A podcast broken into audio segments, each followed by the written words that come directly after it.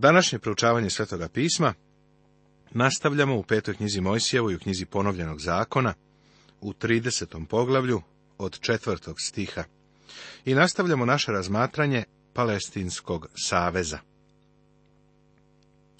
Ako bi ko tvoj i na kraj sveta zagnan bio, od ćete opet sabrati gospod Bog tvoj i od te uzeti.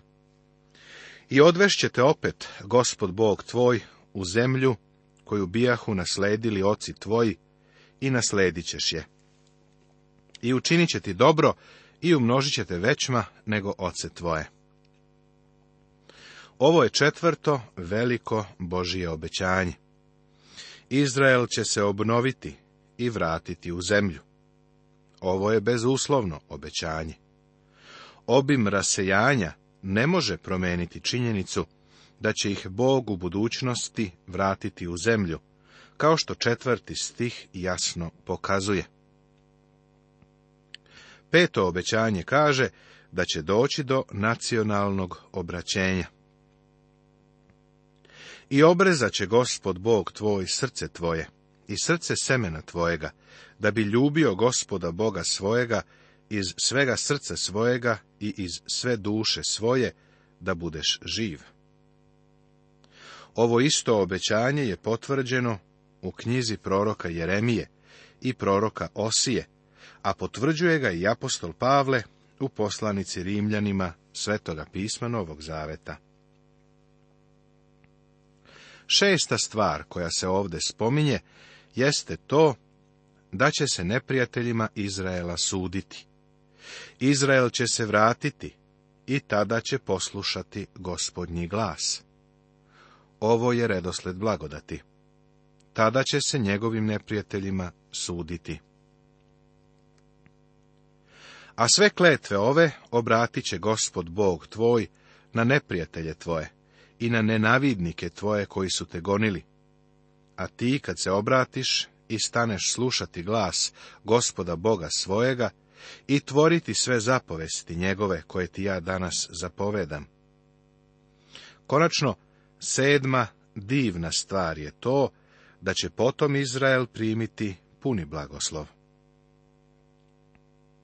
Da će ti gospod Bog tvoj sreću u svakom delu ruku tvojih, u plodu utrobe tvoje, u plodu stoke tvoje, u plodu zemlje tvoje, jer će ti se gospod Bog tvoj opet radovati čineći ti dobro, kao što se radovao ocima tvojim, ako zaslušaš glas gospoda Boga svojega, držeći zapovesti njegove i uredbe njegove, napisane u knjizi ovoga zakona, kad se obratiš ka gospodu Bogu svojemu, svim srcem svojim i svom dušom svojom. Kada će doći taj dan povratka? Da li se to danas dešava? Ne možemo se dogmatski postavljati u stvarima koje ne znamo jasno piše da kada se vrate u zemlju, to će biti u poslušnosti gospodu. Za njih neće biti blagoslova u njihovoj zemlji, sve dok se sa novim srcem i u poslušnosti ne vrate Bogu, koji će im dati to srce. To će se desiti u vreme kada ih Bog vrati u njihovu zemlju.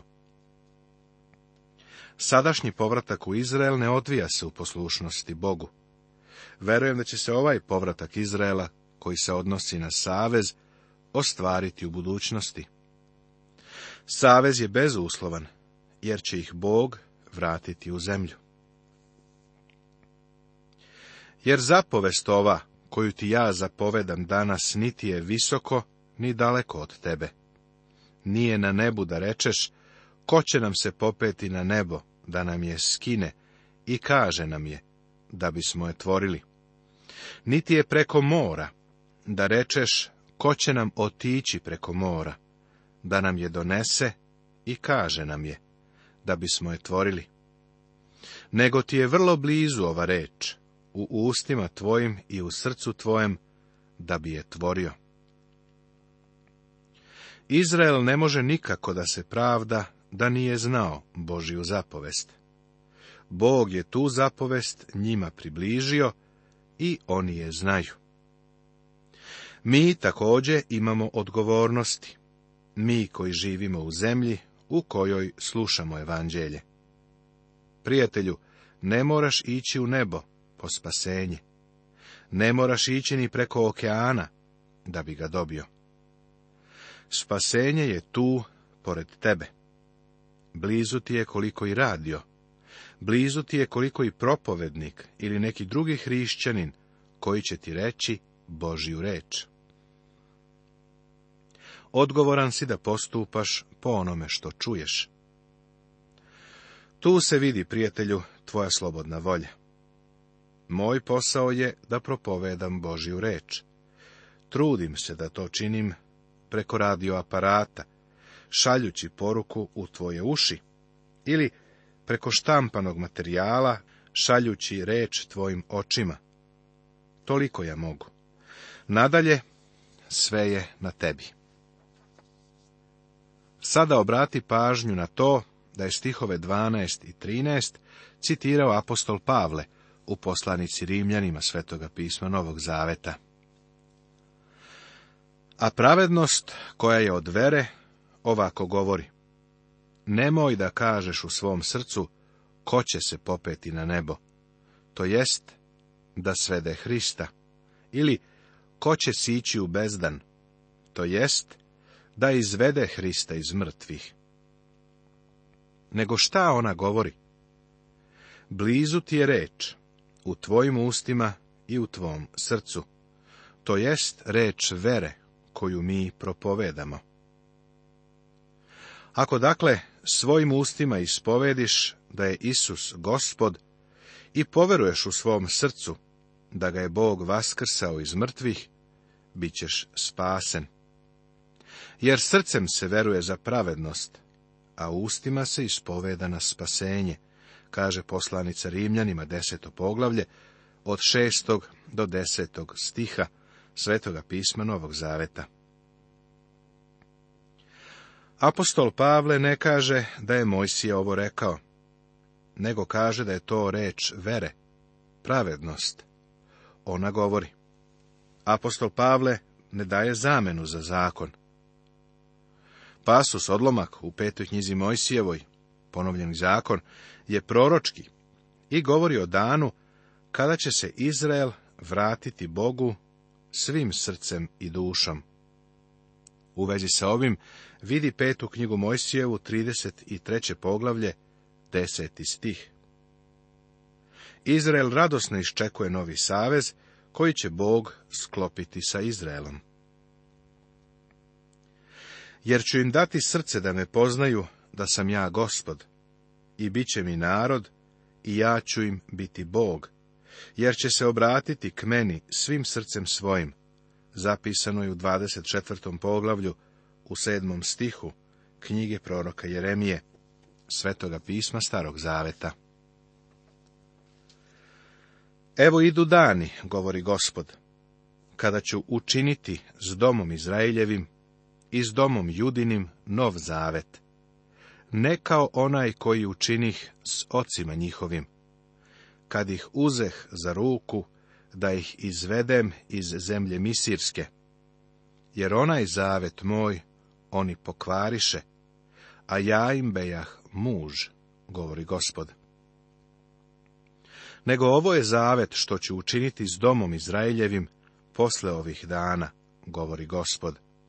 Metnuću zavet svoju njih i na srcu njihovu napisaću ga i bit ću im Bog i oni će mi biti narod. Ovo je od 31. do 33. stiha zapisano u 31. poglavlju knjige proroka Jeremije. Jer koreći ih govori, evo idu dani, govori gospod, i sklopit ću novi savez s domom Izraeljevim i s domom Judinim. Ovo je u osmom stihu u osmom poglavlju poslanice Evrejima u Novom Zavetu. Hristos je jedini koji uspostavlja ovaj novi savez ili zavet koji će se ostvariti u budućnosti. O pravednosti koja se postiže verom posvedočili su i zakoni proroci. U međuvremenu nije neophodno uzdizati se u nebo da bi se Hristos spustio na zemlju. On je već jednom bio ovde i umro nije potrebno vaskrsavati ga iz mrtvih, već je vaskrsnuo. Izraelci su imali zakon 1500 godina i znali su da je to stvar tradicije i rituala. Zakon im nije doneo pravednost. Hristos im je došao baš kao i zakon. To nije bilo nešto daleko od njih. Hristos je došao i bio je među njima. On je u njihovoj sredini umro i vaskrsnuo. Pravednost verom im je bila dostupna, baš kao i nama, jer se vekovima propovedala. Zakon je svedočio i o pravednosti kroz zakon i o pravednosti verom. U petoj knjizi Mojsijevoj, svetog pisma Starog Zaveta u 30. poglavlju, nije reč o zapovestima, neko o zapovesti, jednoj. Pravednost koja je od zakona nije donela spasenje, a pravednost od vere donosi spasenje. Pažljivo ispitivanje odeljka u petoj Mojsijevoj u 30. poglavlju pokazat će da apostol Pavle ne navodi precizan citat, nego da daje primjenu tog odeljka. Umesna je izjava teoretičara Bita – Ovaj Mojsijev poziv je izvanredan primjer vešte i ispravne egzegeze. Gle, iznesoh danas predate život i dobro, smrt i zlo. Jer ti zapovedam danas da ljubiš gospoda Boga svojega, hodeći putovima njegovim, i držeći zapovesti njegove, i uredbe njegove, i zakone njegove, da bi živ bio i umnožio se, i da bi te blagoslovio gospod Bog tvoj u zemlji u koju ideš, da je naslediš. Njihov boravak u zemlji bit će određen njihovom poslušnošću. Mojsije u glavnim crtama iznosi njihovu istoriju i kaže da će otići iz zemlje kada budu neposlušni. Ali, Bog obećava da će ih vratiti na kraju će ih vratiti i nikada, nikada više neće otići. Zašto? Zato što će mu biti poslušni. Ne, nego zato što Bog ispunjava svoj savez. On će ih vratiti, a onda će ga oni poslušati. Sasvim je isto i sa nama. Bog nam kaže da treba da uzverujemo u gospoda Isusa Hrista kao našeg spasitelja. Nakon toga sa nama razgovara o poslušnosti. Ako me volite, držat ćete moje zapovesti. Ljubeći gospoda Boga svojega, slušajući glas njegov i držeći se njega, jer je on život tvoj i dužina dana tvojih, da bi nastavao na zemlji, za koju se zakleo gospod ocima tvojim, Avramu, Isaku i Jakovu, da će im je dati. Opet ponavljam ovo. Ljubav i poslušnost velike su teme pete knjige Mojsijeve, ponovljenog zakona. Ako je ovo bilo tako značajno za Izraelce, koliko je onda značajno za tebe i mene u vremenu blagodati, kada nam je dato mnogo više svetla? Pošto nam je više dato, naša odgovornost danas je veća. Ono za šta se molim predanije, nego i za šta drugo, jeste da ostanem blizu Boga danas.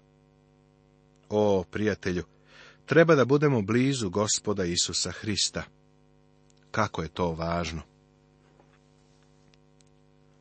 Poglavlje 31. Tema Posljednji Mojsijevi saveti. Sada smo došli do posljednjeg dela pete knjige Mojsijeve. Ovo je Mojsijev rekvije i proteže se od 31. do 34. poglavlja. Počinje petim Mojsijevim govorom, koji je Mojsije uputio Izraelcima i koji je zapisan u ovoj knjizi dolazimo do kraja Mojsijevog života. Celu Bibliju do ovog momenta napisao je Mojsije. Veliki deo svega toga odnosi se na Mojsija. On je bio ključna osoba još od vremena kada su izašli iz Egipta. Bavio se Izraelcima i brinuo je o njima četrdeset godina ostavio nam je izveštaj o 120 godina svoga života, a sada se sprema da umre. Posljednji Mojsijevi savjeti Potom dođe Mojsije i kaza ove reči svemu Izraelju. I reče im, meni ima danas sto 120 godina.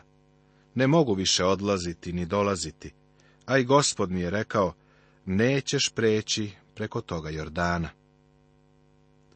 Zapazi ove dve izjave koje daje o sebi. Ostario je. Svi starimo, a većina nas neće napuniti 120 godina. Kada dođemo u to doba, više nismo od suštinske važnosti, barem što se tiče Božijeg programa. Mojsije također nije od suštinske važnosti za ulazak Izraela u obećanu zemlju. Bog mu je vrlo jasno pokazao da će novi vođa odvesti narod preko Jordana i uvesti ih u zemlju. Mojsije neće još dugo biti vođe. Gospod će Bog tvoj ići pred tobom i istrebit će one narode ispred tebe i ti ćeš ih naslediti. Isus će ići pred tobom, kao što je kazao gospod. Nije Mojsije izabrao Isusa Navina. Bog ga je izabrao da bude vođa nakon Mojsija. Sumnjam da bi Mojsije izabrao Isusa Navina, da je izbor prepušten njemu. Naime, Halev je mnogo upečatljiviji od Isusa Navina, pa bi izgledalo prirodno da on bude novi vođa. Ili, posle svega, Mojsije je ljudsko biće, pa zar nije sposoban da za vođu izabere jednog od svojih sinova? Tako su radili faraoni u Egiptu, pa bi bilo prirodno da Mojsije učini isto. Ipak, Bog bira Isusa Navina da ih odvede preko Jordana.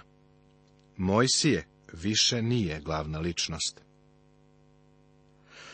U ovome za nas leži velika pouka ukazuje nam na to da niko od nas za Božiji program nije od suštinske važnosti. Bog svakog čoveka koristi u svoje vreme, ali kada se završi vreme rada za tog čoveka, Božije delo se i dalje nastavlja.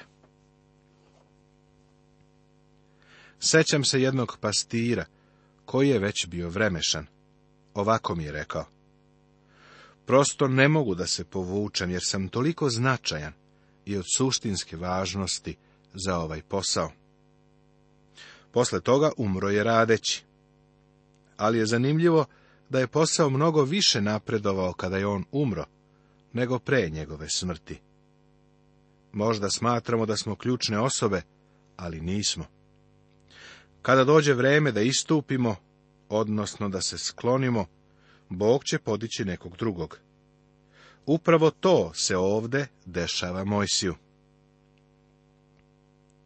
Budite slobodni i hrabri, i ne bojte se, i ne plašite se od njih, jer gospod Bog tvoj ide s tobom, neće odstupiti od tebe, niti će te ostaviti. Mojsije ohrabruje ove ljude da se ne plaše neprijateljskih plemena, koja su u zemlji. Primetit ćeš da on ovaj naraštaj stalno hrabri i da im govori da uđu u tu zemlju. On je preživeo iskustvo sa Kadisvarnijom. Video je kako se starija generacija uplašila i vratila u pustinju. Zato ih Mojsije stalno ohrabruje da nastave i uverava ih da će ih Bog uvesti u tu zemlju. Potom dozva Mojsije Isusa i reče mu pred svim Izraelom. Budi slobodan i hrabar, jer ćeš ući sa ovim narodom u zemlju, za koji se zakleo gospod ocima njihovim da će im je dati, a ti ćeš im je razdeliti u nasledstvo. Ovo je bilo dobro. Ovako i treba da bude. je pred celim narodom hrabri Isusa navina ohrabrujući njega, Mojsije ohrabruje i narod.